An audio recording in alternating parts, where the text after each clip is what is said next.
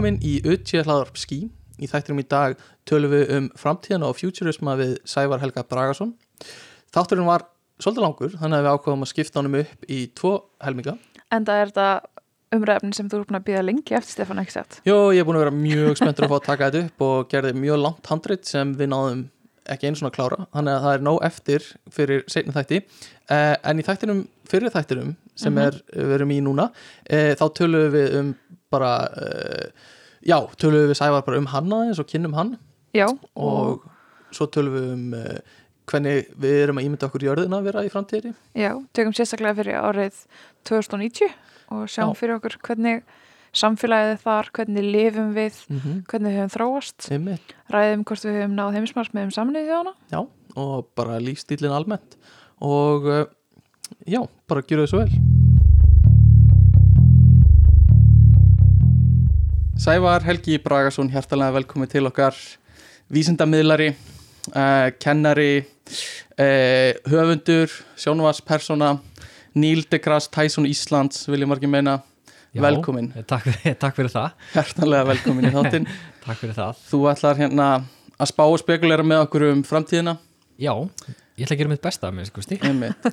Hvort ert þú á þeim skónum að við búum í nútíðinni eða við búum í framtíðinni? Uh, Við búum í nútíðin en stefnum inn í framtíðina. Já. að Því að ör Ok. tímans gengur bara í eina átt eða ekki? Og Er, við verum öll að færast í fjórviðu rúmi eða ekki? Þangað í þá áttina. Stórt rúm, Já, mikið að sængum og koddum. Heldur betur. Um, En hérna, já, bara gaman að fá þig. Og við ætlum að hérna fá að kynnast þér örlítið áður en við byrjum að tala um framtíðina. Mhm. og leiðum, að, leiðum því að býða þangað til við erum komin inn í framtíðina eftir cirka 5-10 mínútur. Þannig að hérna, velkomin í meta þáttinn Takk fyrir það Hvar hérna, uh, hvaðan kemur og hvað gerir og hver ertu? uh, Ég er uh, uppálinn í Hafnafyrði og bjóð þar lengst af mína æfi Mhm. uh, nú býr reyndir í Garðabæ með kærastunum minni og 7 mánuða sinni og svo 11, mánaða sinni, 11 ára sinni fyrir gefið sem að kemur annars lægi til mín og Já. okkar ég er já, því ég var yngri þá æfði ég í fótbolta Ok, og var spilaði fótbolta frá bara mótnum til miðnættis alla daga á sumrin og, og svo var ég að nördast í vísindum og, og hérna, lesa mér allt til um tækni og já, vísindi og náttúruna sérstaklega þegar ég var uh, yfir vetartíma bara einmitt. Varstu svona grúskari í með alla bækunar og... Já, sko, ég var á köplum rosa duglur að spila ákveðin tölvuleik Ok. svo bara átta ég á mig átta ég mig á því einn daginn að ég hafði eitt heilum sólarhing að spila tölvuleik á þess að pæli því hvern, hvort ég var að borða eða að fara að sofa Já, ok. Ok. og þá bara sagði henni þetta er ekki heilbrygt og þá hætti ég því og hef ekki spilað tölvuleiki síðan sko. Uh, svo hérna, já en ég sem sagt sökti mér alltaf ofan í vísindabækur uh, einhvers konar svona fræðslu, vídeo myndir og þess að þar og fór reglulega út að horfa upp í stjórnuhiminin einmitt, sem ég fannst alltaf jafn indislegt og finnst ennþá jafn indislegt og já, þannig að ég er svona kannski, ég var frekar skrítibann að því leytinu til og meðan vini mínir sem voru sérstaklega ungleiksárunum kannski voru að fara nýr í sjoppu að hérna hanga þar og prófa eitthvað sem ég átti ekki að prófa og Einmitt. alltaf þá var ég heim út í garði í snjógalanum og lág, lág í grasinu eða snjónum og að hérna skanna heiminin og eitthvað svo leið sko. Ég held að það sé bara jákvæmt maður heyri sjaldan að einhverju fólki sem gerir eitthvað í lífsitt sem var alveg venjulegt í æsku og, og hérna gerði aldrei neitt skrítið sko. akkurat, kannski fólki sem gerir eitthvað ofunlegt í æsku það er fólk sem er, sker aðeins úr líka Já. í daglegu lífi bara þegar það eru eldra ég Sennilega. skal ekki segja sko. En var þetta alltaf planið að enda sem bara allt og ekkert einhvern veginn á fyrirlskroni? Já, nei, sjálfur sér ekki sko. Á köplum vildi ég náttúrulega bara verða atvinnumæður í fótbolta. Já, og, og vísindamæður í leiðinni sko. Ok. af því að ég lærið það einhvers staðar að hérna, atvinnum minn í fótbolta þeir hefðu rosa mikið frítíma sem ég fannst mjög gott og gaglegt sko. bara yes, frábært, þá get ég einmitt stundar nám á, á Já, tíma og hérna, orðið vísindamæður já, já, en svo bara gerist lífið og hérna ég eh, einhvern veginn missi áhugan á fótboltanum og, og fer svona svolítið meira yfir í vísinda áhugan og kynnti rækilega undir honum. Mhm, og svo bara leiðir eitt af öðru. Ég ætlaði síðan að fara í nám í bandreikunum en lífið gerðist bara, Já. þannig ég hætti við það og var svo, svolítið svona sjanghæðir inn í svona vísindamiðlun, fræðslu og, og slíkt. Mhm. og ég festist þar einhvern veginn bara Einmitt. því að það voru allir að segja mér að ég væri góður í því og var alltaf fengið til þess að gera meira og meira og einmitt Kemur vel fram og Já. fallet bros og... Já, takk fyrir það, maður reynir að standa sér það líka eins og Já. hægt er En hvar sjáum við þið fyrst? Sko ég man eftir að fyrsta sjónvarpsframkoman hjá mér er hjá Gísla Martini og Rögnusfjöri í Kastljósinni þegar þau voru ok. Kastljósi 2000 og, já bara 2000, Já. sinnilega Já. ég var 16 ára. ok, Þá kem ég að tala um geimferjina og það var sennilega vegna þess að Bjarni Tryggvason, geimfari sem hafi farið með Discovery árið 97 já, kom sem sagt í heimsók til Íslands og hann hafði verið með einhver fyrirlestur og, og þau vildu fá einhvern ungan áhuga mann eða konu um þetta allt saman til þess að spjalla í Einmitt. sjónvarpinu og það var fyrsta sjónvarpframkoman ok. Og svo gerist það bara skömmu setna að hérna prófessorarnir upp í háskóla og voru farnir bara svolítið að vísa á mig þegar að koma því að fjalla um Mars eða eitthvað þessu þar Já, ok. staðsett alveg sig. og sem var bara fínt. Þá er ég umhverfið bara að þau bara í framhaldsskóla og, og bara svolítið áhuga saman þar og hérna, já, þannig að svona einhvern veginn datt í hendunar á manni. En þú varst líka í hérna stjörnumfræði vefnum, var það ekki? Jú, svo, ég, það var kannski um svipa leiti örglega kringum 99-2000 eitthvað svo leið sem ég, sem sagt, sest niður og finnst átakanlegur skortur á íslensku efni um stjarnvísindi á internetinu. Já. þannig ég ákvað bara, ég ætla bara að stofna vefsíðu sem er með allt um stjörnufræði á íslensku. Kekja. þannig ég setti það á laginnar mm uh, ásamt uh, vinnu mínum Sverri Guðmundsinni Mhm. og svo bara ógst það hægt og bítandi og, og hann er ennþá lífi í dag. Sverrir eða vefur. Já, bá, báðir, Sverri líka. Ok. uh, Vefurinn er ennþá lífi en hann er svolítið í svona gjörgæslu sko. Hann Já. er í, og það er bara vegna þess að þegar maður er orðin eldri þá hefur maður minni tíma til þess að sinna svona Já. hlutum í sjálfbóðavinnu en, en hérna, það er alltaf draumur að leggja meiri vinnu og tíma í að Einmitt. viðhalda honum og breyta og bæta því það er ennþá skortur á íslensku efni um þessi vísindi á internetinu. Alveg klálega, Já. einmitt. Um, En eh, hvað er það svona er, Ok, eh, kannski smá afsnæli spurning En færðu eitthvað út úr því að vera svona miðlari, vísindamiðlari og uh, stundum kikk uh, að því að þetta er skemmtilegt. Uh, bara nýjasta dæmi er þegar ég let draum rætast og held tónleika með Sinfóni í hljómsveit Íslands fyrir bara ekki svo lengur síðan. Ok, og það var draumi sem ég hef búin að ganga með í maðunum í bara mörg, mörg, mörg ár. Og svo ok. bara einhvern veginn hefur Sinfóni samband Já, og spyr hvort ég sé til að gera eitthvað skemmtilegt með þeim. Og Mhm. það bara ég heldur betur þannig að í eh, hérna á frá miðvikudegi, 50, 1. og lögadegi þá vorum Mhm. við með sem sagt sex tónleika já, sem fjalluðu svolítið svona um undir jarðar þar sem við völdum tónverk og ég var fræðin á milli ok, Ok, og það tókst bara stórkustlega fengum, fylltum hörpuna sexunum og, ok geggja. Og það var ótrúlega gaman að hafa þess að geggjuðu hljómsett fyrir aftan sig spila verk sem voru bæði kunnuleg framandi og ótrúlega falleg og fá að fjalla um, um jörðina geggjað. okkar plánundu sko. Fyrir framann einmitt fullan sal af áhuga sem krökkum og fóruðurum Tókuðu hérna plánutunar, er það ekki svolítið Nei, svo, er nefnilega hérna, það er að gerast á næsta ári. Ok, þannig að við ætlum að gera aftur og næstar og þá, í april minni mig að þá ætlum við að flytja nokkrar, nokkur brotu plánundunum Já, í svona sérstökum skólatónleikum. Þannig að það Ok, verður ekki svona almenni tónleikar en uh, það verður nefndum í uh, úlingastegi í grunnskólan og bóðið að koma á tónleikana Já. og svo verður ég með fræslinu milli Einmitt. Um þær plánundur sem fjallaði verður um í tónverkum. Það er rísa stórt sko, ég held að það verður ekki ekki Það verður ekki, svo, svo er reyndar erum við með draumum það að gera eitthvað meira eins og mér langar að gera aðra tónleika með, með eh, eðlisfræði, Einmitt. vera með eitthvað svona styrlaðar tilraunir í og nýta okkur bara hörpuna. Já, bara vá. þeim að hátti loft svo það er auðvitað að gera ímislegt skrítið og skemmtilegt þar. Já, Já, sko. láta hérna fólki fá svona pínu öran hjertslátt af stressi yfir einhverju, eitthvað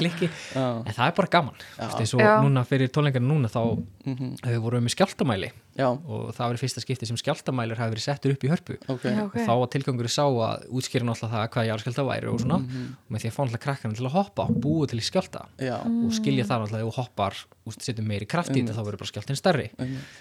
og það tókst bara svona frábærlega vel og, og hérna lífgæði upp tónleikana sko. Já.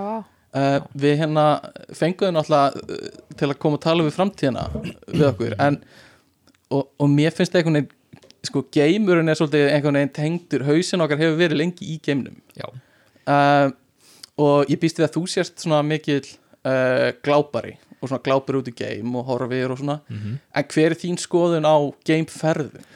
uh, bæði jákvæð og neikvæð Mhm. það fer svolítið svona eftir því hva, á hvaða forsendum þær eru farnar mm Mhm. Geimferði sem snúast um könnun geimsins Mhm. og að rannsaka plánundunar eða eitthvað þess að dæri að fara til tunglsins til þess að rannsaka tunglið Mhm. það er eitthvað sem er algjörlega mitt forti Já, og eitthvað sem ég döðöfunda mennina sem fóru til tungsins að hafa fengið að upplifa.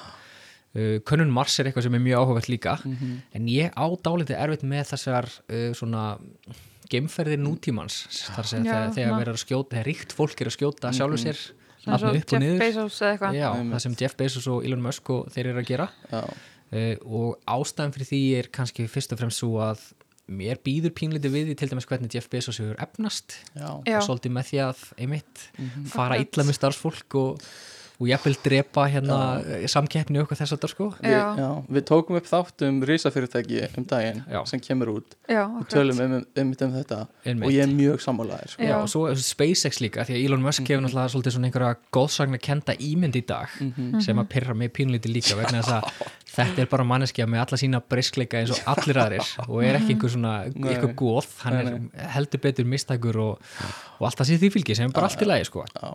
en það hvernig SpaceX líka er að haga sér til dæmis í að koma upp Game Hub hjá sér Mhm. í uh, Texas það sem verið er að reynilega útrýma fólki úr bæ sem það Mhm. er rétt hjá eðileggja uh, hluta af, af hérna, gróðurlendi og þess og þar Mhm. sem hefur það náttúrulega áhrif á dýralífu líka og svo framvegs. Og jafnvel verið úða einhverjum mengunaskíum yfir fólkið, háfa það, þú veist, fólki missir heimili sín, það vill enginn kaupa þetta og SpaceX vill, vill kaupa heimilin en á Já, miklu já. lægra verði en þau ætti að fá fyrir það. Veist, það er svona neikvæð hliðna sem að Já. fá ekki heyrast því miður að því að við sjáum öll þessar glæsulegu myndir af Akkurat. lenda eftir gameskotur svona sem er ótrúlega fallegt og, og bara gæsa húða á moment sko. þessi gameskotur eru örugglega ekki umhverfisvæn. Ef Nei, ekki alltaf sko Hversu óumhverfisvæn flugferðir eru sko Já, já, en samt alveg meira enn þið voru kannski að því við erum að endurnýta svo mikið sko. já að lósunin Á dóti. frá til dæmis bara ég man ekki hva, hvort það var hérna SpaceX eða hvort það var hérna Virgin Galactic Mhm. þessi kólminsbórið af þessu á mann er 30 tonni eða eitthvað þess að það sko Já. allavega eitthvað svona heiminhátt og kólminsbórið okkar á ári kannski 12-14 tonni eitthvað þess að einmitt. og hverjir hafa efna á þessu? Jú, það er efnaðasta fólk í heiminum sem hefur fyrir langstesta umhverfisbórið Já. þessu framvegi sko. algjörlega ég held að þetta sé svona smá óhjákvæmilegt þegar svona reysafyrirtæki eru mm farin að taka þátt sko. Já, og það, það er líka sem gleymist stundum sem ég heyri oft í umræðinu þetta sé bara að sjá einmitt kraftin í enga framtækinu og jú, jú, við erum að sjá góðan kraft þar en allt þetta væri ómögulegt án aðkomu ríkisins þess að ríki sem að borgar mm brúsana mörguleiti fyrir þróunina. Algjörlega sko. Ef SpaceX fær hérna stuðning frá bandaríska ríkinu, skattaafslætti og, og verktakagreislur til þess að sinna einhverjum verkefnum sem fyrirtæki sér notar á snildalega hátt til þess að koma þessu allir í kring. Algjörlega. En þannig að þetta er náttúrulega samspil og þetta um, og, og við förum aðeins betur onni þetta eftir uh, en mér langar að kannski að loka hérna að þessari umræðu á nokkrum hraðaspurningum fyrir þig endilega til að kynast þér aðeins betur fyrir hlustendur um, þannig að ég ætla bara að bomba á þig ert þú reyðbúin? heldur betur, Uh, Android eða Apple? Apple, Útlit eða nótagildi? útlitt, Morgun hann eða náttugla? náttúgla Kaupa á netinu eða kaupa í personu? kaupi personu, Bíómyndir eða þættir? Þættir, Ef þú getur gert bæði, myndir þú labba eða keira? labba Hva, hvernig tekur þú kaffið þitt? uh, cappuccino, með hárumjólk Með hárumjólk Hvað er uppáhalds orðið þitt í spænsku? una cerveza, por favor Ah. Það er langt orð Cerve cerveza, sett bjór, takk uh, Og tölvuleikir eða borðspil? uh, töl, Vá, þetta er erfitt Mér finnst hvort skemmtileg ah, Borðspil bara, Ok uh, Eldamat eða kaupamat? eldamat Föstudagur eða mánudagur? Föstudagur, Snjallúr eða heimskúr? heimskúr Uh, eru sondalar og sokkar samþygt? Alls ekki Taka fundi eða senda tölvupóst? uh, Sendu tölupóst Uh, eru reyndir til í alvörunni? Reyndir, Mm. já Já, ok Hvað er go-to fréttamiðl? mbl.is, Besta leið til að slaka á? Eldamat Uh, Lokuð skrifstofa eða opið vinnurými? Lókuskrifstofa, Fjöldi skjáa í vinnunni? tveir Hvað er passvort á tölvuna þína? uh, Það er alltaf það sama en ég ætla ekki að gefa upp Uh, uppáhalds svona minna þekkt tónlistamannskja ah, Minna þekkt tónlistamannskja mm.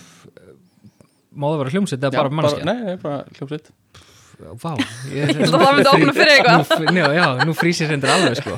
Ha, Einhverju vinnuðir kannski eða vinkona sem er sem er, Sem er plugga? sem veit til sko. Ég er alveg blank þarna. Ég á svo marga uppáhalds. Sinfó? Sinfó, reyndar e- eftir, eftir verkefni okkar Já, klárlega Sinfó. Ok, En ég er mikill R.I.M. aðdóndi sem er kannski ekki svona mainstream í dag.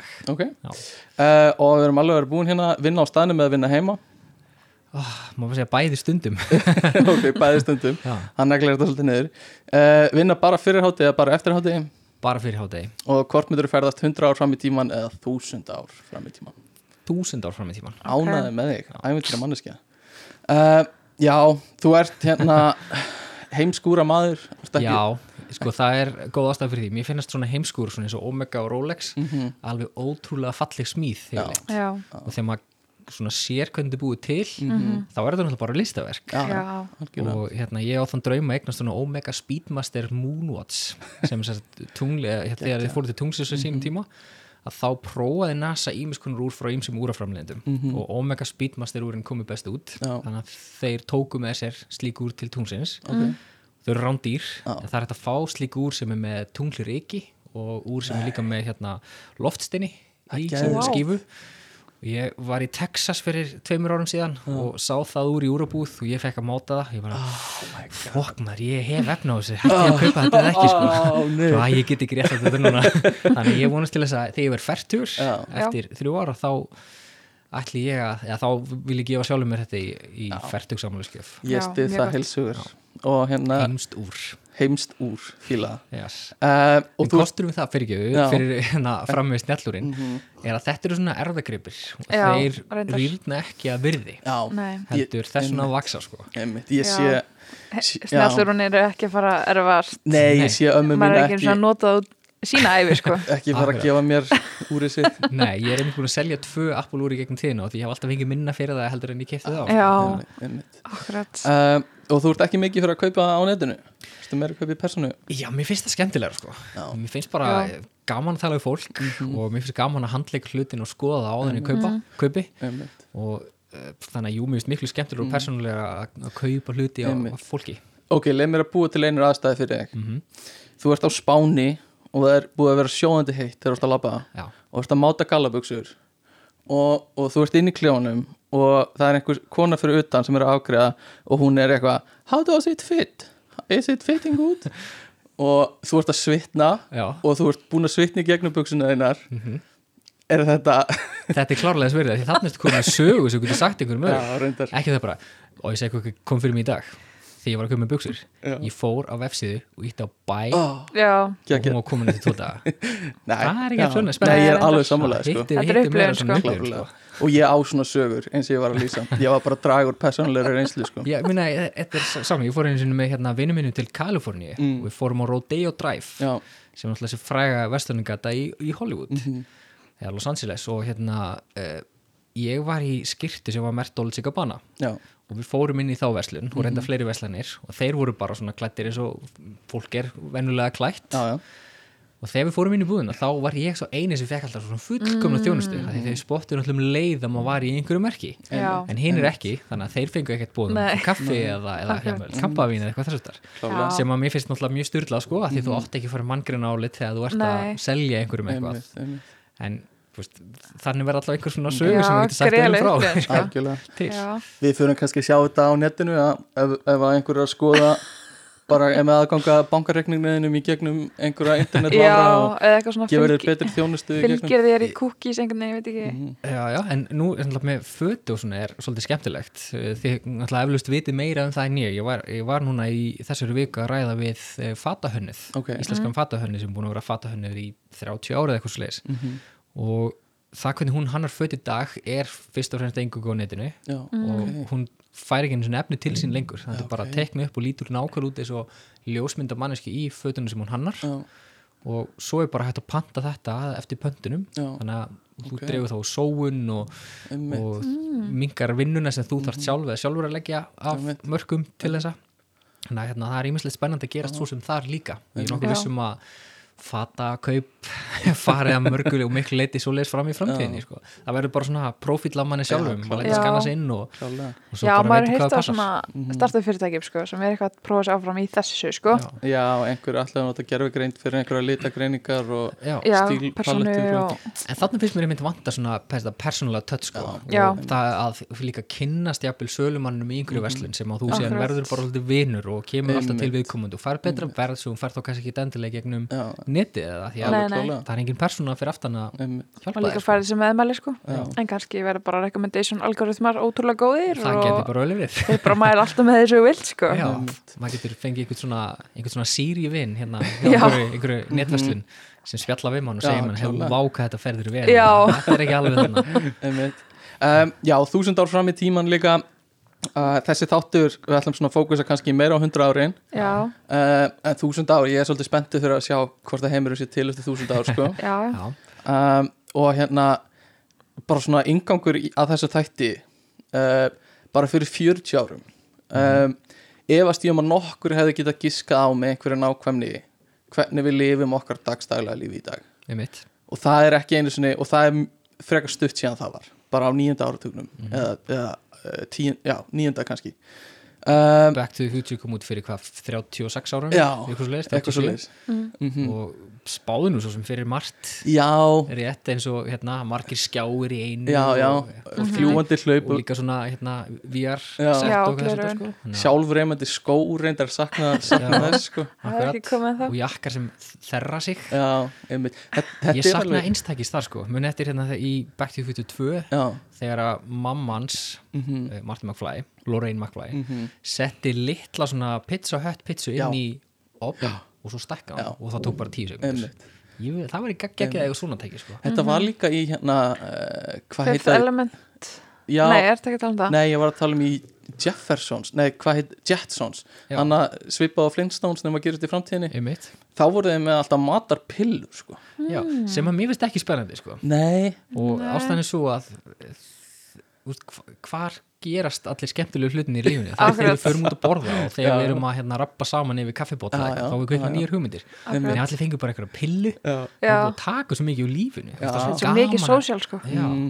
matur er mannsins megin og allt það sko. Það er ekkert við, við setjumst saman niður til að fá okkur að borða Já. fjölskyldur og vinnir og allt Mhm. saman og þannig að þetta er svona sósjál aðtöfn sem að að við myndum sakna við Líka bara ferðalög, þetta er bara byggt utan um þetta sko. Já, haldið akkurat. að þetta sé eitthvað sem sé bara fara að vera áfram eins og þetta er? Eða hver sjáu þið svona þróunin á, á því að fjölskyldu sittist niður og fá sér að borða saman? Ég ætla að vona að það haldi áfram vegna þess að rannsóknir líka sína það að við borðum hægar þegar við erum að borða með hvert öðru og þegar að engar trublanir eru í kringum okkur.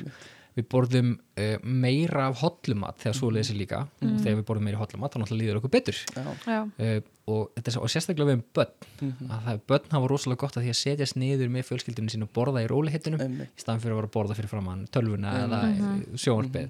Allt er lagi stundum að sjálfsögðu. Einmitt. En auðvitað er það miklu meira gefandi þegar að hallir eru saman. Já, þetta er, svolítið, þetta er líka spennandi með matinn sko, af því við getum farið að ímynda okkur bráðum einhverju svona uh, erðabreytingar í mat og, og hérna jafnvel tengt bragði sko, Mhm. þannig að þú getur verið með gulrót sem bræðast eins og súkulaði og eitthvað svo leiðis Já, já. um, það, er það eitthvað það, það er þegar komið sko Einmitt. það var hérna kokkur á Spáni Já, sem heitir Ferran Adria Mhm. hann stofnaði veitingastæð sem heitir heit El Bui ok og þessi, eða El Buli og ég ekki, veit ekki hvort maður á að kalla Mhm. allavega, hann var að leika sér að skinn færum fólks Já.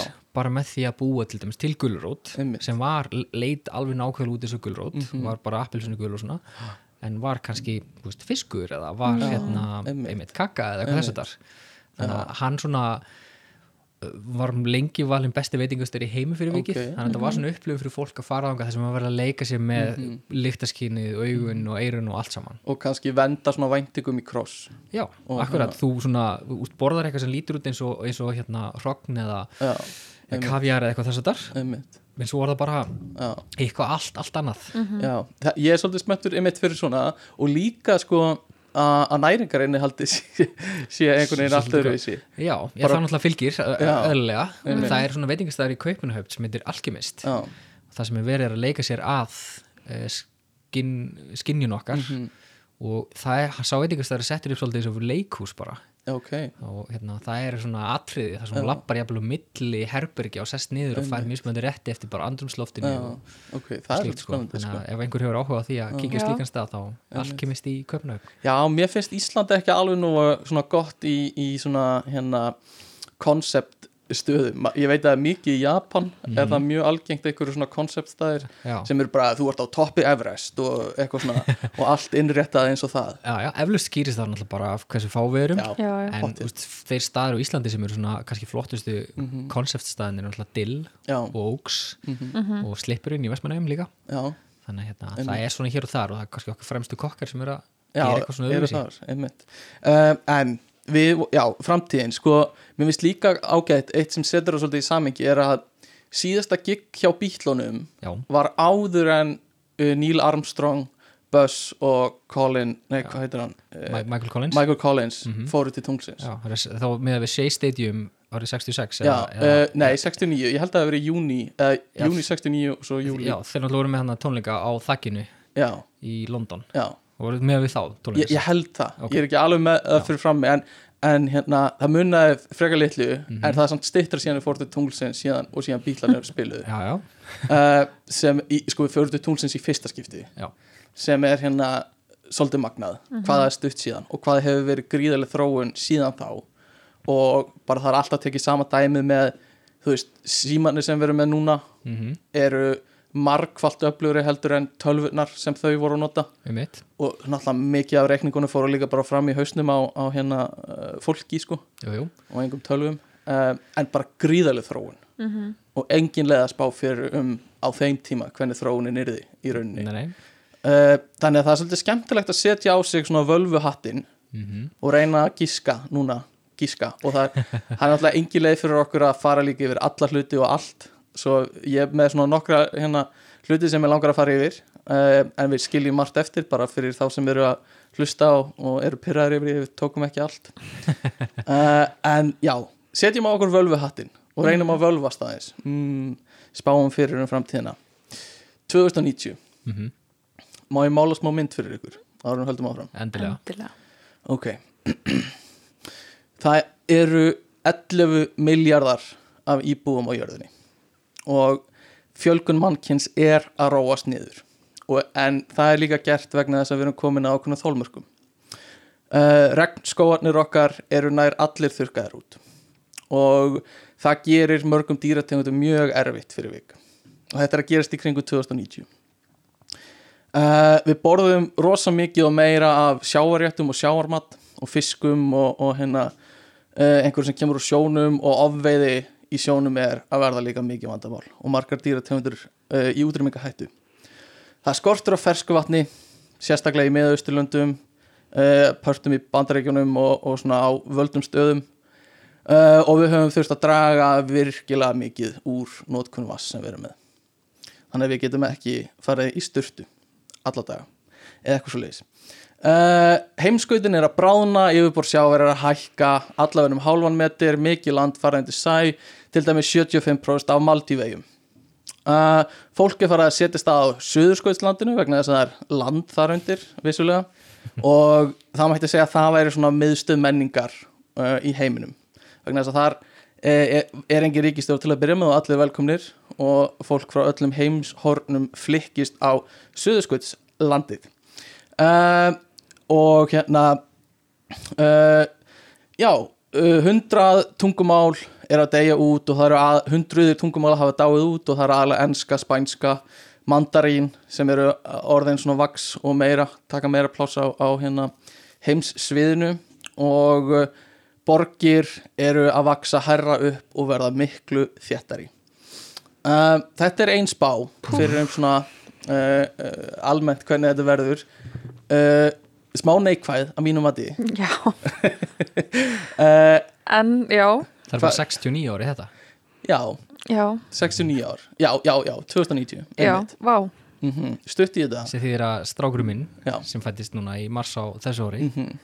verður 69 ára ef þessi í þessum heimi ef þín spá rætist. Einmitt. Ég held þú sért ekki alveg allstaðar hann á réttum slóðum nei, nei, nei, nei og það er tilgangur að það ekki með þessu Jó, fjalli. Jú, 100%. rappa, rappa. segðu mér hvað hefur átt fyrir mér sko ég, ég er nefnilega hérna bjart sínismæður Ok. Ok. að því leitinu til að ég er nokkuð vissum að við náum að leysa þennan umhverfisvanda sem við erum Ok. okay. glíma við uh, sem dæmi uh, 2090 er náttúrulega alveg augljóst að við verðum, verðum ekki lengur að nota jarðarfnum eldsneiti til að koma okkur á milli staða mm. það er bara ekki fræðilegu möguleiki bara með þess að jafnvel svo snemma eins og 2050-60 verðum við bara hægt að nota þetta í þessi faratæki okkar. Já.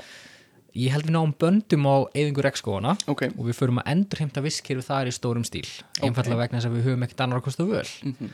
uh, vatn verður ekki að skórnum skamt á Íslandi Mm, því að hér er bara einfallega svo mikið af vatni. Já, já, þannig að hér getum við haldið áfram að fara með góðri saminski styrtu á dag þar sem við viljum og haldið áfram að hita upp sundlegur okkar.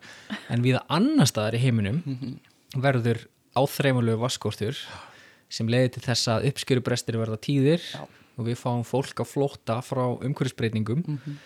Og saman tíma þetta er allt í vinslu þá erum við búin að finna leiði til þess að soga kólefnur á andrumsloftinu, Ok. farga því ofan í jörðinni eins og við erum byrjið að gera hérna núna á helliseiðinni sem er magnað. Sem er ótrúlegt framtíðastef og við Já. ættum að tala mjög vel um það því að við náum ekki markmiðum okkar nema að gera það. Og, ég, og ég, þetta þarf að já, skala upp alveg gigantíst til að þetta nái einhverjum árangri. Algjörlega og ég vil bara vona að hlustendur kynni sér það ef þeir hafa ekki skoðað þetta Mhm.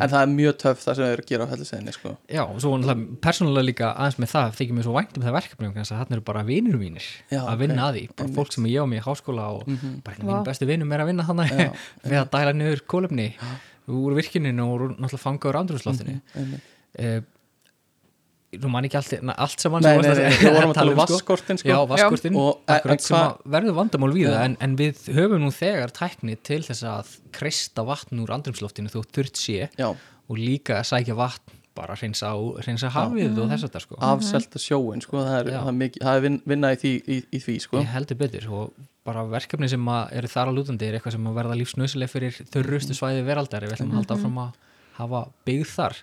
Eh, sjáumól kemur klárlega til með að hækka og það er bara vegna þess að nú er þú þegar komið það mikið, kóluminn loftjöpin að jafnvel þú við hættum að til losun og það kemur sjáumál til með að hækka það er bara svona senkun og svöruninni Einmitt. sem er bara náttúrulega Eh, þannig að jú, margar borgir sem byggðar eru látt við strendur komið til með að fara reglulega undir sjóin í sérstaklega flóðum sem fylgja stormum. Stormar náttúrulega lyfti upp hafinu líka og hver bara sentimetri skipti máli þar hversu langt hafi kemst inn.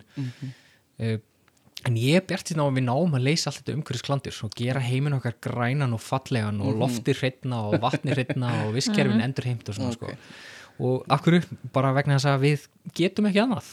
Það verður bara ekkert í bóði að ætla sér ekki að gera það. Og verða þú veist borginnar sem vaksa herra upp verða þær þá þú veist grænar Já. og þú veist skói vaksnar ekki hugmynd og það er verða háðar eh, eða óháðar orkukerfum heimsins, það er verða miklu, miklu meira beisla bara orkuna úr sólinni á, Já, og sjálfbærari. jafnvel vindi og eitthvað þess að það sko í svona skilvirkari sólarrafluðum og, og slíkt. Þannig að það væri jafnvel bara sjálfbarar bara svona eigin kerfi sem að sjá sér fyrir jafnvel fyrir stundu fyrir vatni og stundu fyrir heit, hitta og svona, Úst, allt er þetta að verða til hvort þið er nú þegar.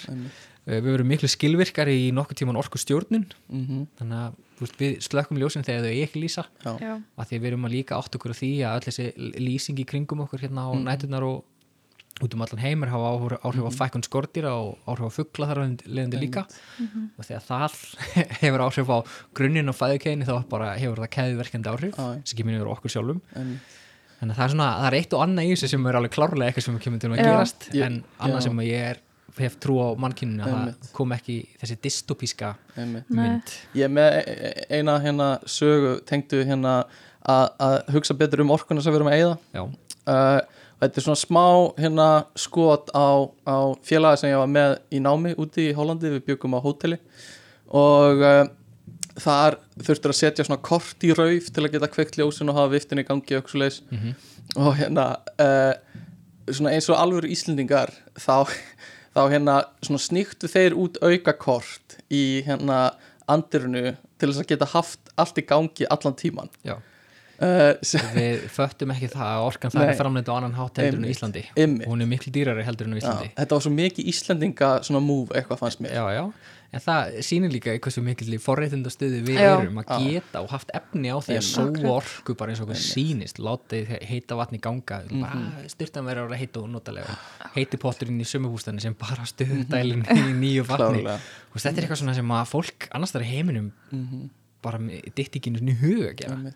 En við erum svolítið sóarar Já. og í framtíðinu Já. verður ekki leifilegt að sóa því við erum alltaf að fara inn í ringrósahækjörfi Mhm. sem er rosalega fallegt sérstaklega líka fyrir svona nýsköpunarfyrirtæki sem eru að pæla í varningi og hlutum og Mhm. að því þú þarfst að fara að hugsa núna alveg fyrir allan lífsfyrirlin mm -hmm. hvernig ætlar að ná í hráefnin til þess að framlega hlutin og hvað verður síðan um það þegar búið er að nota það verður ekkit leifilegt að urða hlutin eða Nei. brenna hann eða eigðunum á þennan hátt og veist, ég er náttúrulega handið sem það að í um þetta leti 2090 þá verði ruslahaugarnir okkar núna mm urðunastæðarnir orðnir bara eins konar fjársúskistur Já. þar sem við förum og sækjum málmana sem að við vorum svo vittlust að henda og grafa í jörðina. Einmitt, og ná í plasti sem við þurfum bara að nota aftur til þess að hafa hérna læknisbúnað og klálega. hitt og þetta og svona mm. komið einhvern ný efni fram og svona.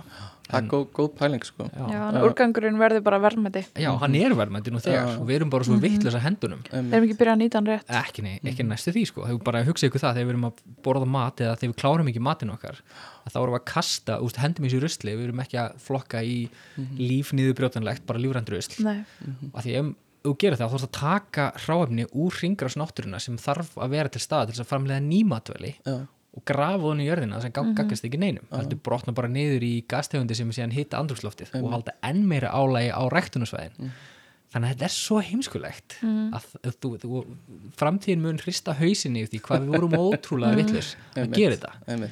og eins og svo margt annað sko. Já, já, ef þetta það farið. já, en hvað með veist samfélagin? já, mér langaði Já, fyrst bara taktu. að, að hérna byggðast afsökunar á hvað við byrjaði með að þátt og þakka Sævari fyrir að hérna létta aðeins Já, létta aðeins upp það sem við vorum, erum að tala um. Uh, en já, einmitt tala um við samfélagið og, og, og tölum, veist, erum að tala um sjálfbærnina líka. Erum við búin að ná sjálfbærnin markmiðum saminuð þjóðana? eh, ekki allum, eh, ég er nokkuð sem við séum búin að nok nokkur með þeirra. Ok, eins og til dæmis að útrýma sárafátakt í heiminum. Ok. Uh, ég hef trúið því.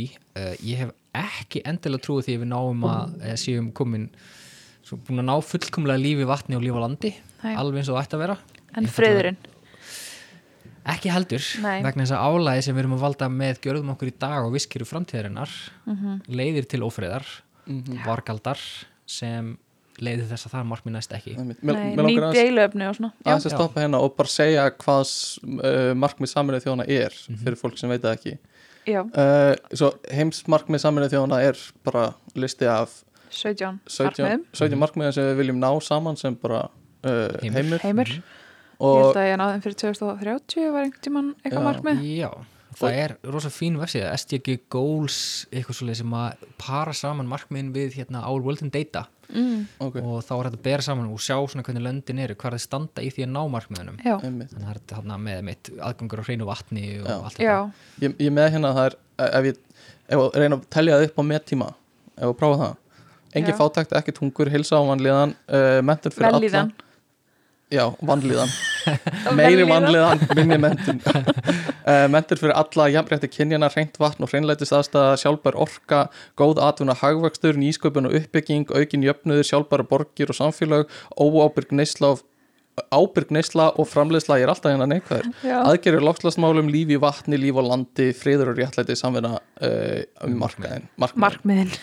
Markaðin. Akkurat, þetta er frábæð markmið Já. og ég vona innilega að okkur auðnist að ná þeim Já, af því þau gera lífið sannarlega miklu betra fyrir alla jarðabúa sem, já, alla bara sem búa hérna, ekki bara okkur líka á jörðinni. Já. bara plöntur og dýr, þar sem við förum allt inn að sína og skónum virðingu, árnar fá að flæða eins og þær eiga að flæða með öllu sínu lífi sem það þrýfst bæði ofan í þeim og í, í, í kringum þær. Einmitt. þannig að hérna, það er til svo mikils að vinna að vinda ofan af þessu ruggli sem við erum búin að vera í Já. undarfarið. Og bara, fúst, af hverju ekki? Þegar, þegar fólk, þegar ég tala um fólk um einhverjus mál og segja, fúst, svona, fúst, hvað fórnir þarf að færa? Mhm. bara ekki nokkrar. Nei, fúst, er í alvörunni verra eignast rámaksbíl heldur en bíl sem að spúir eiturefnum Mhm. yfir börn sem andaði að sér setjast í lungun til eiliðanóns Já. og skerða lífskeiða þeirra, Mhm. stitta æfið þeirra. Bara nei, af því að rafbílinn er ekki fullkominn, þá vil ég það ekki. Hann er samt miklu betri, hann verður aldrei fullkominn sko, nei. En hann er samt miklu miklu betri. Mhm. mm er slemt að þurfa að lappa eða hjóla, nei, af því að þú reyfur þig meira. Mhm. þá líður þið betur. Akkurat. Þú veist, það, er svona, það er ekkert neikvægt við að tilenga sér breytingar í átt að því að verða umhverfisverðni mm -hmm. tryggja það að við náum þessum blessuðum markmiðum Akkurat. taka tíð og segja öðrum frá því. Þú veist, ganga Já. undir með góðu fordami þá þurfum við ekki þennan þessa dystopísku framtíð sem að krakkanir okkar óttast. Akkurat. Og minna, ég tók dæmi með fyrirlestur um daginn þar sem að hérna, ég tók dæmi, krakkar sem eru að byrja í skóla núna þú veist, hvað verði gömul árið 2093 mm -hmm. við verða jafn gömul bandarækjafórsett í dag þá, að framtíðin er bara ekkert langt undan sko. Við erum að snerta hana bókstafla núna og Já, við erum að taka ákvörðinir í dag algjörlega. sem ráða lífskeiðamnar í framtíðinni.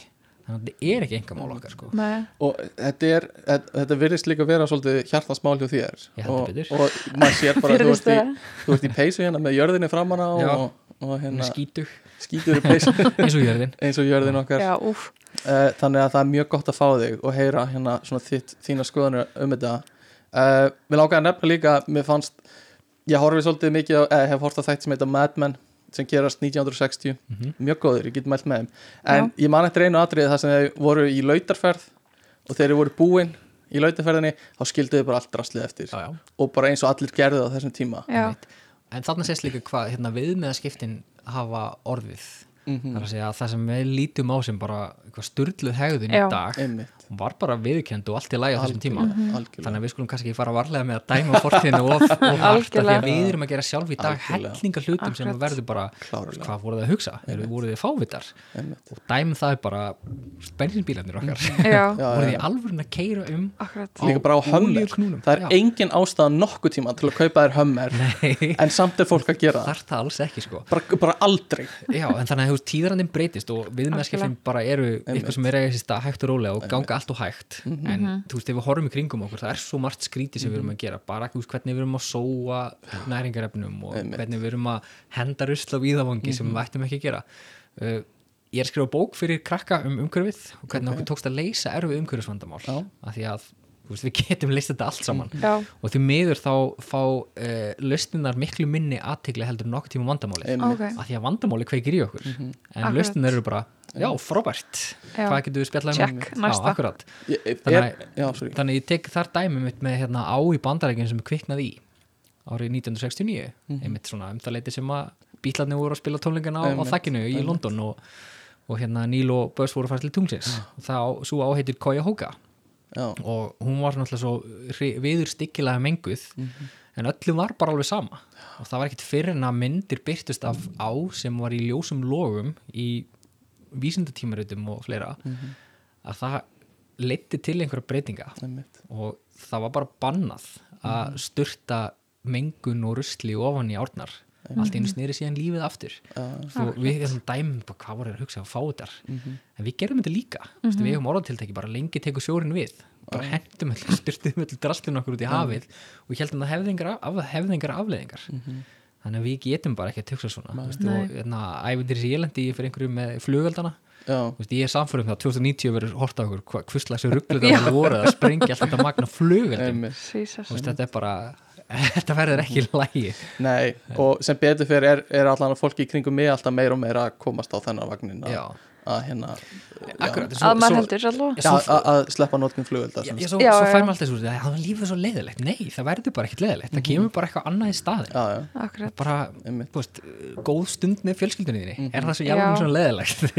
Eitthvað þannig, þú veist, að fullt af möguleikum sem er aðrir í bóði Afþreying hefur aukist alveg gífulega eins og komin inn á í öðrum þættir sem tala um rafíþróttir Þetta Já. bara Já, afþreying mun hefur aukist gríðarlega akkurat, Já. á ég ekki að hafa ágjur af 11 ára sinni mínum sem að mér finnst spila allt og mikið af Fortnite og uh, í, í, á mjög góð spurning uh, Um, og það er mjög góð spurning bara hvernig er hann að nálgast það? Að, Já, ég, ég vil fá hjálp fyrir eitthvað því ég veit ekki, Já. því ég tengi ekkert við það. Þetta bara, mér finnst þetta ekki skemmtilegt sko. við áttum mjög gott spjall Mhm. uh, um rafíþróttir Já, og þá bara með börn og Mhm. mm uppeldistarfið sem er í gangi þar Mhm. og það að æfa rafíþróttir og bara hvernig þú getur nálgast það á heilbriðanhátt já það er svo mælt með og bara að tækla þetta eins og íþrótt. Já, þá Bara- ætlum ég að bara kalla til stjörnunar og FH og allra þessara íþróttifélagi nágrinni mm -hmm. að setja eitthvað svona Klárlega. þannig að krakkarnir fá að læra það að spila ekki tíu klukkutíma heldur kannski Tvo, tvo, eða tvo. eitthvað, eitthvað Akkurat. svoleiðis. og, bara, og svo ertu bara kannski að analæsa leikina þína og, en svo þarftu líka að hugsa bara heilbriði reyfingu Já. Akkurat, Og eins og hérna- íþróttamenn gera sko. Akkurat, nærastu vel og sofa vel Sofa að þú ætla að vera bestur þá að æfa þig og Já. hafa úthaldi í að æfa þig. Þannig ég er bara, á,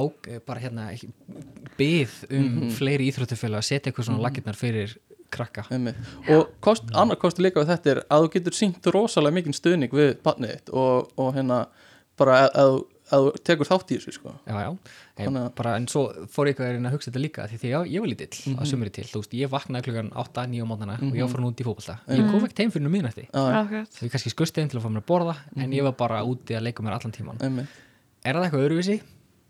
Já, pínlítið sko, því ég Já. var úti að reyfa mig og eitthvað þess að þetta sko en ekki satt ekki kyrr í Mhm. stól já, heilandag en það var aftur engin sem þú kaust sko. Akkurat sko. Sem fyrir sami, svona, sameilegt Þú veist, en, að því ég heyri líka þegar fólk er að fussa á sveifu því það krakkar að horfa á, einhvern, á YouTube spila tölvuleik. Og svo er ég hérna með bjóri í hönd að horfa á Leopold spila Já. og bara þetta er Já. alveg eins þetta er Þetta er alveg eins nákvæmlega eins. Þannig að hvað, ég get trútt um talað sko. Bæði ræði Já, sko. alveg klálega Mér langar svolítið að færa okkur yfir í hérna svona lífstíl og vinnuna. Hvernig svona menningin verður í framtíðinni. Uh, og það eru spár uppi um það að, að hérna, við munum vinna minna.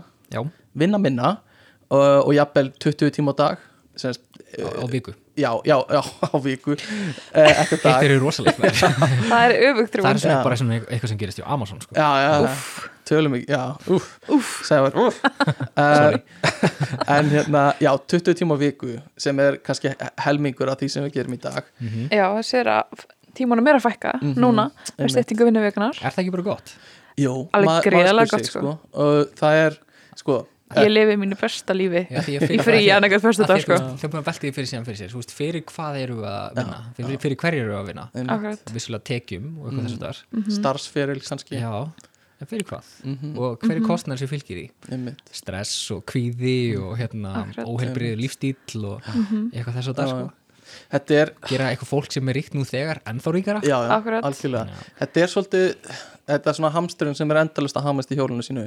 Ég þekki eh, hérna nokkra drengi sem hérna, ég vil ekki segja nákvæmlega hvernig ég þekki en, en þeir hérna eh, eru bara rosalega hamingisamir í lífinu sínu bara með því að spila töluleiki þeir að vilja horfa á bíómyndir og eru svo bara í mjög uh, já, bara svona þú þarft ekki mentun fyrir vinnuna sem þeir vinna og, og bara, og eru mjög sáttir og bara, og bara hamingisamir í lífinu sínu. Á meðan ég er að hamast við að fá mér einhverja gráðu, reyna að hugsa hvernig framtíð mín á að verða eitthvað Já, og ég hugsa bara af hverju er ég að gera þetta? Ef að þeir eru bara, eru þeir búin að fullkomna þetta? Og á þess að við vitum að því bara þeir lifa sínu lang besta lífi. Já, já. Er, Það er bara sem betur fyrir öll mismunandi. Já, og hérna ég hugsa að stór hluti jarðabúa sé akkurat svona. Mm -hmm. vilji bara vera svona að sigla svolítið lignan sjó og vera bara í svolítið þægindum og örgi og, og hafa lítið fyrir lífinu sem er bara allt í góða lægi og svo eru við svona örglindallar og sikkurum endanum sem að já, já. vilja fet einhverja aðra leið og Já. leggja rosalega hart að sér og eru hefnir og allt þetta. Og það er ekki bara allt í lægi sko. já, já, En svo er líka svona spurning með þetta Mhm. fólk, þú veist bara þau störf sem að verða síðan til setna mér, þú veist, verða þeirra störf til mhm, þú veist eru, að því að þú veist, það er talið um að í framtíðinni gæti verið að verði bara þekkingastörf já, og öll störf sem hérna þurfa að nota vöðva og þið veitir kraft mm. verði ekki til þannig að það er spurning, já. þú veist, þurfa þeir kannski síðan að finna sér eitthvað, ég veit það ekki að verið búið að sjálfvirkni væða öll þessi svona eh, innan gæslappa auðveldu störf og Já, handa, svona- handavennu störf Já. svona helst, helstu þjónustu Já. eins og úr, bílstjórar og Mm. flutningar, flutningar og eitthvað þess að það já, Já, og Það- líka endurtekningar verða miklu minni já. í starfi, sko Já, það er alveg góð spurning sko. uh, á móti því hef ég séð að það eru pælingar um að sko uh, umönunastörf og svona samherja, eða svona ekki samherja heldur svona vera, vera hérna hvað heitir, kompanjón, bara svona þú veist, svona nánd og já, Samveru. nánd og samverustörf þú veist, Já, já, nú erum við með það á, á spítulum ég man að ég var á spítala út, út í Hollandi uh, og þurfti að liggja aðeins inni þar og ég, ég var einn þannig úti í rauninni og kunni allar tungumálið og það kom kona inn í herbyggið til mín, svona eldri kona og eina sem hún átt að gera var bara að spjalla og bara sína svona hérna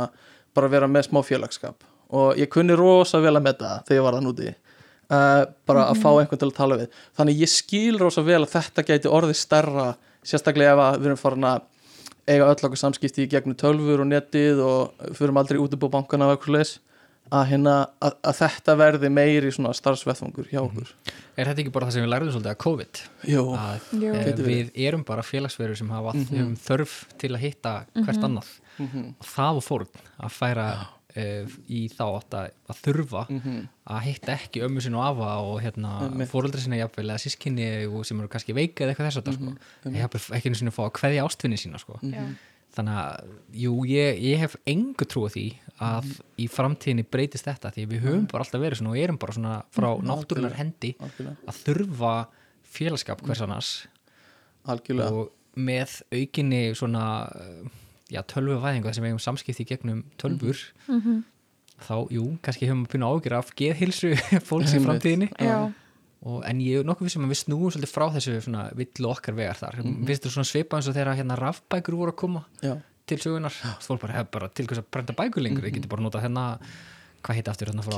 Kindle. Já, og lesið bækurinn þar en þú veist, það er ekki það sama. Nei, nei, og það koma svona tæknibildningar sem lofa öllu fögru og hvað þess að þar svo fjara þær út af því að, mikið að því að við erum bara lífurur þegar öllu er bóðin í kolt sem höfum ákveðnur grunn þarfir og meðal þess er klárlega það að eiga samskipti við annað fólk og hittast reglulega og hérna hlæja saman og mm veist, knúsast og svona sko.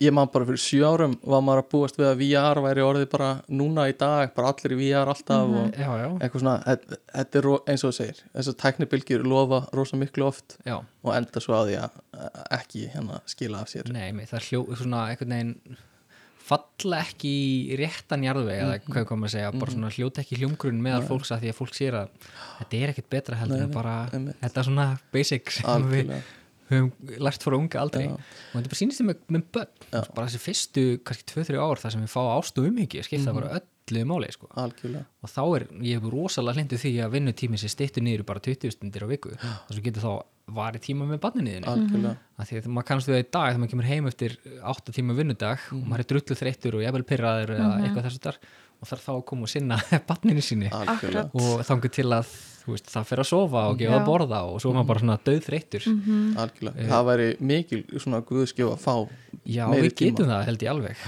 Kannski þurfum að slaka á þessu lífsgæðakaflubi já, en það er hægra sagt en gert að gera það.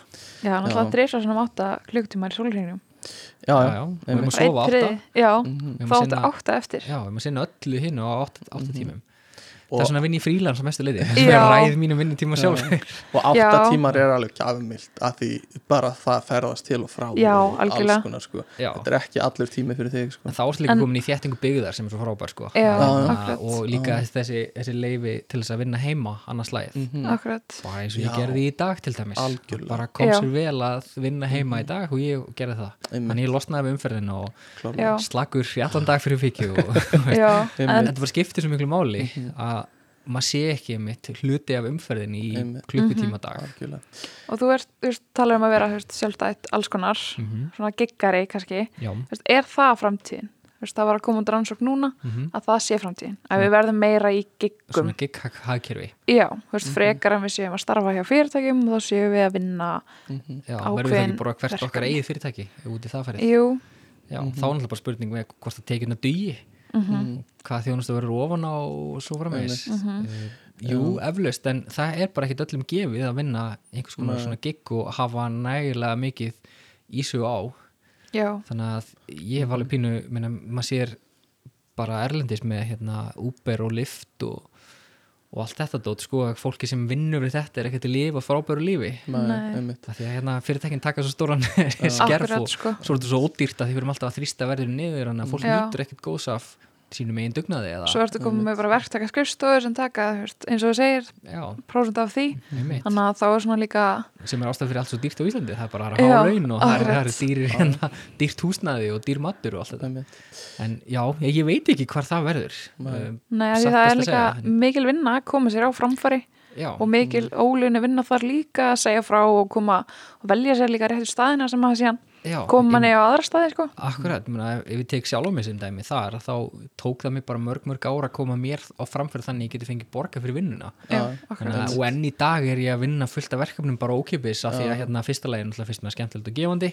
Ég hef efni á því í dag sem ég hafði það kannski ekki þá. Mhm. uh, og fólk nýti sér það sko. Einmitt. Já, maður það bara vonar að maður sé að sá einhverjum fræjum og það sé gott karma sko. Akkurat maður það bara að meta það, þú veist, er exposure virkilega þess verði, já, já, það er ofta að tala um að hvað er íslensk verðið exposure það er bara einhvern veginn að vera í, í sviðsljósunni Já, eitthvað þú þannig, veist, er það að fara að borga Með sig í. Já, er það að borga sig að fá fleiri verkefni? Ekki alltaf. Eða ekki, Nei. þú veist, maður það bara meta það því að ofta er sagt, yeah, we can pay you an exposure. Já, Já, Þú veist, það meina, borgar ekki leiguna að manns Nei, nei. sko að fá fleiri like á Instagram. Já, akkurat, þetta er svona eins og í bókaútgáfinni að þú Já. leggur mjög mikið á til að skrifa einhverju bók og svo kemur hún út og þú veist ekkert hvort hún Nei. selst eða ekki, þannig að ef þú deilið á tíma sem það tók að framlega að búið í bókina Mhm. eða þá að þau eru svona allt í lagi og kannski gera það kleft að lifa af einn eða tvo mánuði einmitt. svo eru bara svona nokkri sem eru alveg á toppnum Já. og ná að lifa af sig Arnaldur og Yrsa svolítið, bara þau sko. Já, uh, þetta er já, þetta er mjög áhugavert og sérstaklega vinnumarkaður og sam, samsetningin og persónleikanir sem munur kannski breytast á vinnumarkaðinum Já, kannski fyrir að störfin. skjóta inn hérna Já. við græðum pínu á því hvað við erum fá Já, að við erum ofta að vinna fleiri en eitt starf. Einmitt. Þannig að það er alveg pláss fyrir fleira fólkina Já, til já. þess að sinna eins og því sem við erum að sinna aukalega.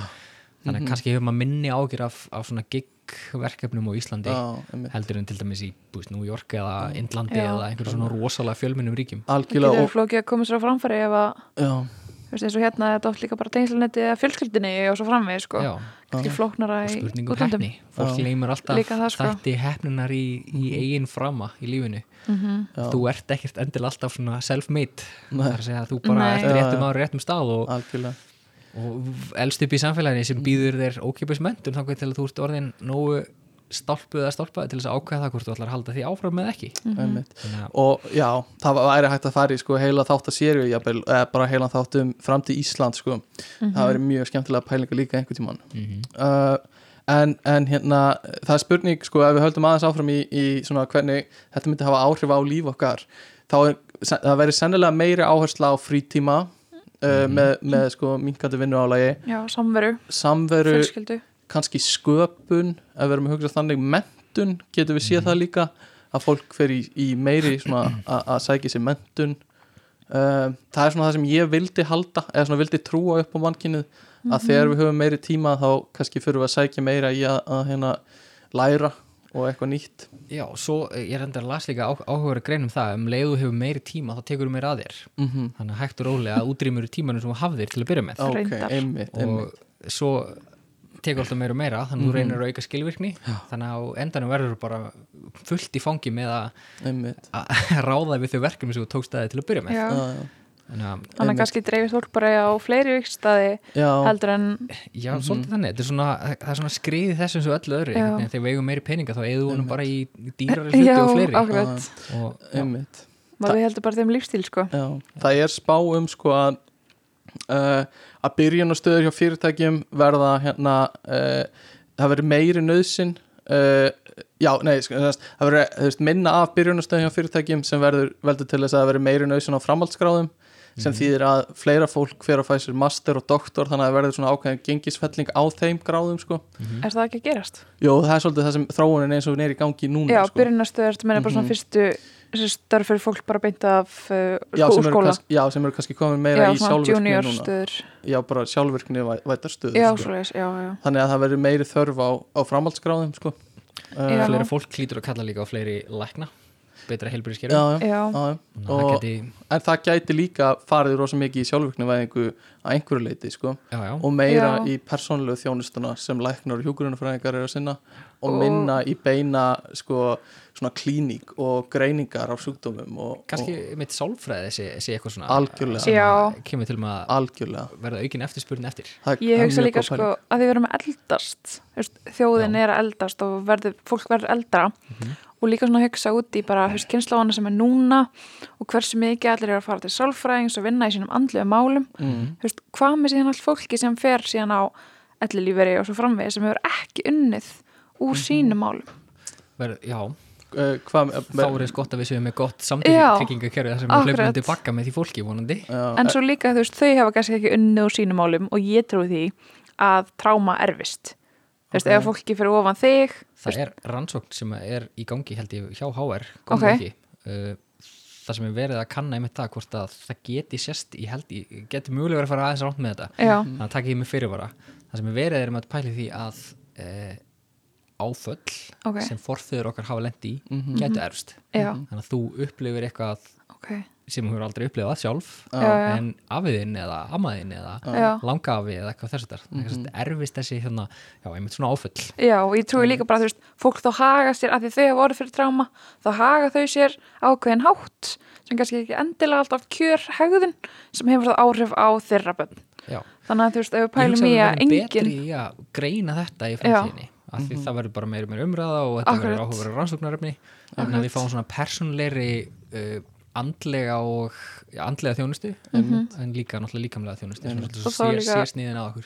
fleira fólk sem er að vinna í þessu stöðugt þannig að þá kannski erfist það ekki eins mikið. Nei, það er alltaf hægt að byrja einhvern veginn brunnin og, og hjálpa fólki áður en að Mhm. mm þetta kemur fram með eitthvað þessu þar og svo eins og við segjum, ef það er búið að rannsaka þetta svona mikið þá kannski vera líka þannig bara í líkamlegum veikindum mm að það verði oftar greint rétt. Já, já, það getur verið, þú veist, hvernig bara já, þú Mhm. veist, prósendan hversu mikið rétt það er, gæti hækkað. Já, já, já ég vonandi, sjáum við það. Þannig, og ég ætla að halda áfram að vera svona smá neikvæður eða ekki neikvæður. En, en hérna kannski vel sálfræði þjónusta líka bara fram í, í, í gegnum tölvu og tala við tölvu og hérna kannski hægt að finna einhverju leir þannig að já, þá kannski- er það aðgengilegir fyrir fleiri. Já, Já. ge- hún verði aðgengileg sannlega vil alltaf að vera svona móti. Já, alla en, var en ekki fyrstu var ekki fyrsta túringtestið að að hefnast eða hvernig var það? var, var það? Var það Þú væri að segja sko Já. magnaða fréttir Nei, mér fannst eins og ég hafi lesið frétt um það að já, ég ætla ekki að eh, þræta við mann sem er að læra að gera Já. sko, en hérna, að því að þú ert sérfræðingur það Já. en ekki ég, mér finnst þess að ég hafi lesið frétt um að það sé eitthvað próf Já. sem var gert og, og hérna, tölvan stóðst túringprófið inn í, þú veist, ok, sko það getur verið að það sé eitthvað svona já. þar sem ég hafi ekki lesið sko. mig grunar að það gæti verið með einhverju skilirðum sko. Já, uh, að- en það gæti verið að því mér finnst bara svo skrítið að ég hef ekki heyrt af því. Nei, akkurat. Þannig að þú veist, hendu þessu bara út í hafsöga að ég er ekki sérfræðingur þar sko. En ef það er þannig og þú getur rétt eða þú veist, það er alveg líkur á því þá er það magnað, magnaður Já, áfangi. já, já. að því ég var að spá því gerast eftir langan tíma sko. Já, já, en er það ekki svolítið leikillin því að við getum Jú. notað gerfugreind sem einhvers konar sálfræðið aðstóð? Jú, nema þá þetta væri meira hugsað sem einhvers konar svona guided meditation sem þarf ekki að fara í gegnum mannesku heldur bara að þú ert að hjálpa sjálfur þér með, með korti sem tölvan er að hjálpa þér að smíða skilur Já, og þetta er ekki eitthvað svona að við þurfum við, við viljum ekki vita að þetta er tölva. Veist, að við þurfum ekki að halda að sálfræðingar okkar sé manneskja heldur meira bara svona við erum að hjálpa okkur sjálf með aðstóð tölvu mm og hún leiðir okkur í gegnum það. Uh, erum við ekki byrjað að gera það? já, jú, og, jú. og þetta væri bara þá lógist framhald já, sennilega. veist, það eru fleiri tól já. en svo bara spurning hvort að tölva gæti greint Mm þú veist, röddina, ertu, ertu leið ertu, og virkilega fundið Mm. tráma, en er það ekki bara að greina gögnin rétt eða gæti, hvað, er þetta of flókin gögn til að greina? Það er ekki hugmynd sko. Ég meina, manneska var- Nei, þetta er tölunafræðing eitthvað, hvað Já, finnst ég þér? er bara, ég, ég, ég er alveg blank þarna. Ég er bara, mér finnst alltaf svo, svo indislegt einhvern veginn að sjá til með stýr sem skinja það hvernig þið líður. Já, Já. alveg frábært. og minna, af hverju ekki tölvur þá einhvern í framtíðinni? Já, þú veist, það er alls konar hluti sem við gefum frá okkur bara eins og fólk er að fá hérna svona migrænsköst, þú veist, það eru hundar þjálfari að finna lykt, þú verður, þú veist, það er öðru sér lykt af munnvatniðinu. Og flugavegi, þetta er tö, mjög, mjög töff dæmi sko. En þá verður það ekki bara í símanu líka það eru svona einhverju já. sem bara er að Akkurat. þefa andadrættinum sko. og og, og, og Sævar og Kristina, við komum að því engar áhyggjur ok. við erum bara hérna að díla byrja uh, ok, mér lókar hann að taka tvent uh, bara svona uh, mjög snögt árum höldum áfram.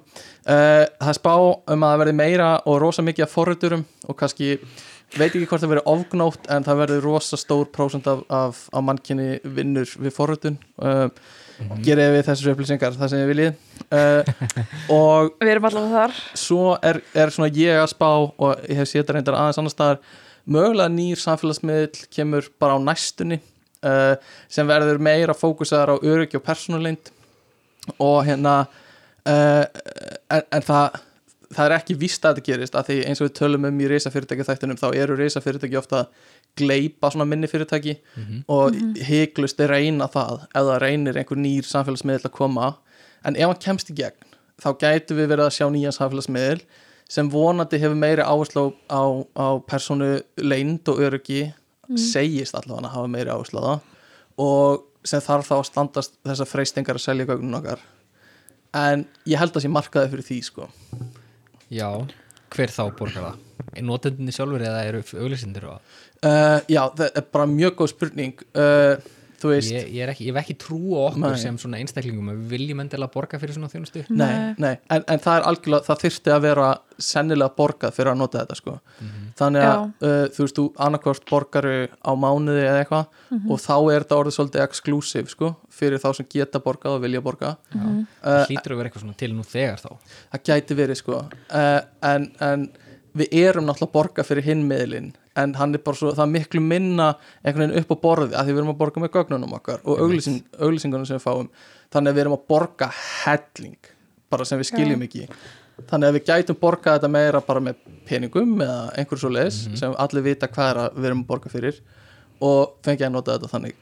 En bara, þetta er líka bara svona spá sko. Líka að það spáði að sé verði fleiri forritarar og þá verðum við kannski meðvitaðari Gæti marga forritara og verandi okkur sjálf. Það er miklu fleiri fólk sem er að pæla í þessu og vill ekki nota ógæslega paranoid. Þeir eru ókslega paranoid. Þeir eru bara an anonymous nota, þú veist, incognito og. Sko, er ekki á LinkedIn þessi- og eitthvað. að þessi paranoia sem ég vil kalla þessu svo sem eru örgulega bara réttlætanleg en að því að ég er ekki forritari og ekki tölvunafræðingur og veit ekki neitt um netöryggi Já. þannig ég hlusta bara það sem að netöryggi sérfræðinga segja. Já, veist, þetta er orðið svo flókið að lokka sig inn á hluti bara pff, fokkið í nenni sig ekki sko. og bara tökum Teams sem dæmi þar sem ég var á þreymur minn vinnustöðum sem allir ætlaði að nota Teams. Já, og ég þurfti að lokka mig út í hvert einasta helviti skipti sem ég ætlaði að komast inn á þetta. Þannig ég sagði, herri, ég nenni sig ekki. Ég ætla að nota Google Drive af því ég kemst bara inn þar og það er ekkert vesinn akkurat. Þannig að hérna, ég held að ég sé ekkert öðru sem massin hann, pöpullin sko. Sem vil bara hátta hlutum einfalda, þeir Akkurat. virki svo einhverju aðri sem örygg, örygginu sko. já, líka veist, hversu örgur þarf Teams-fundurinn að vera Tja. Það fyrir eftir við um hvað við erum já, að tala. já, algjörlega sko. Ég veist nokkuð sem að samherja uh, fólki vilja hafa já, veist, sko. ég fór á einhvern ógísla einhvern zoom-fundum daginn og það var ekki tjatt af því að þetta var ekstra örgur fundur. Já, ok. Upplýsingarna voru ekki svona mikilvæg sko. Já, ok. Þannig að það eitthvað paranoid. Það er einhverju, einhverju ál, álhattar á lofti og svona Já, nei, ég meina heimur fullur af forundurum. Er hann ekki bara svolítið áhugaverður? Já, lókiskur er Jú, bara, en þú þannig veist, að við erum að fara í einhvern svona einhvern Erum- vulkana heim já, já, erum við að verða einhæfari eða? Nei, alls ekki. Ég Það má að ekki vera ómikið fórhundar við inn í okkur öllum er sköpun Já, ég Já. held og við njótum okkur best þegar við erum að skapa eitthvað búa til eitthvað sjálf. Þannig að hérna við þetta að tala um það. bara. Og mér finnst það mjög góð punkti ég að segja verið að því mér finnst, fyrir mér er forritun rosa mikil blanda af starffræði og lógík og sköpun. Af Mhm. því þú þarft að hafa frjóa hugsun og þú þarft að, að, að nýta sköpuna gána þína eða þú ætlar að gera allan að frumlega lausnir. Þannig að Já, það kannski líka bara er fólk fórhundar til þess að gera listinu sína veruleika af því að Já. þær þurfa oft að vera stafrænar. Mm, Já, mm ég meina í mínu starfi og lífi þá hefur ég marg oft fengið ykkur hugmyndir bara andskotin, ég kann ekki að forrita þannig að ég get ekki gert það sjálfur ég þarf að borga yngur um 20.000 ja, Akkurat, þannig að þá verður ekkert úr því sko. Nei, nei. nei, og, en, en aftur ég hérna mæti hérna neikvæði kannski fer forritunum líka yfir í gerfigreind og tölfur og kannski vera forritarar Mhm. óþarfir og sjálfsforrindandi tölfur að forrita. Já, þú ert þá von Newman vilar maður eða hvað? Mm, já, eða þú veist ég, ég er bara algjörlega trú að þetta gæti gerst sko. Já, það er einhverja áhugavert með svona von Newman vilar vituvilar sem að fjölfalda Já. sig sjálfar já, er að það er ein möguleg lausn á því af hverju við höfum ekki verið vör við líf í geimnum annað en okkur, okkur sjálf. Mm vegna þess að ef þú ert samfélag eh, menningar samfélag sem er með dóldi háa vitsmunni og þá getum við smíða tæki og tól sem geta ferðast natta á milli nýtt sér auðlundina sem þar eru til þess að fjölfalda sig sjálfar og halda sér áfram. Bara finna næstu nætti til að gera það sama. Mhm. og þegar þú reiknar út hversu lengi þú varir að leggja undir alla vetrarbröðin okkar þá tækið ekki nema kannski svona 3-5 miljónir ára eitthvað svo leiðis ekki nema. Ekki nema, sem er rosalega lítið í Rosalega samingi við aldur vetrarbreytunum sem er 13 miljardar ára. Mm. og þá vaknar spurningin af hverju verðum við ekki vörfinn einar fór njúmanvilar Mhm. er það vegna þess að þær eru bara ekki til? Eða er það vegna þess að þær eru hérna nú þegar og við erum frægin sem þær sáðu á plánundina þegar hún var að myndast? Eða Já. eru við bara ein? Já. Þú veist, það eru hérna þetta er, þetta er marga lausnir sko. geggjar svona existential pælingar. Já, en tengist Fílaði þessu, tengist gerugrind og, alveg klálega sko. allir því? Alveg klálega og og, það er alltaf fáið sem þekkja fór Newman sem var náttúrulega snillingu snillingana. Já, sem var hérna sá sem Einstein leit upp til og þú veist þessi gæja sko. Einmitt. og ég, eins og ég sagði á hann, ég þól ekki þegar við erum búin til eitthvað svona góðsagnapersonur úr fólki sko, en svona þegar maður les til dæmis um hann, þá var hann alltaf augljóslega snillingur, Mhm. sem laði náttúrulega grunin að tölvuteknin út í bóns og ímsu öðru, þannig að hérna, það ættu fleiri að kynna sér, John von Neumann. Já. En þetta er endurinn á fyrirhlutanum af spjallinu okkar við sævarum Futurisma. Og ég mæli eindreið með að hlusta á seinni hlutan þar sem við förum við mjög skemmtileg mál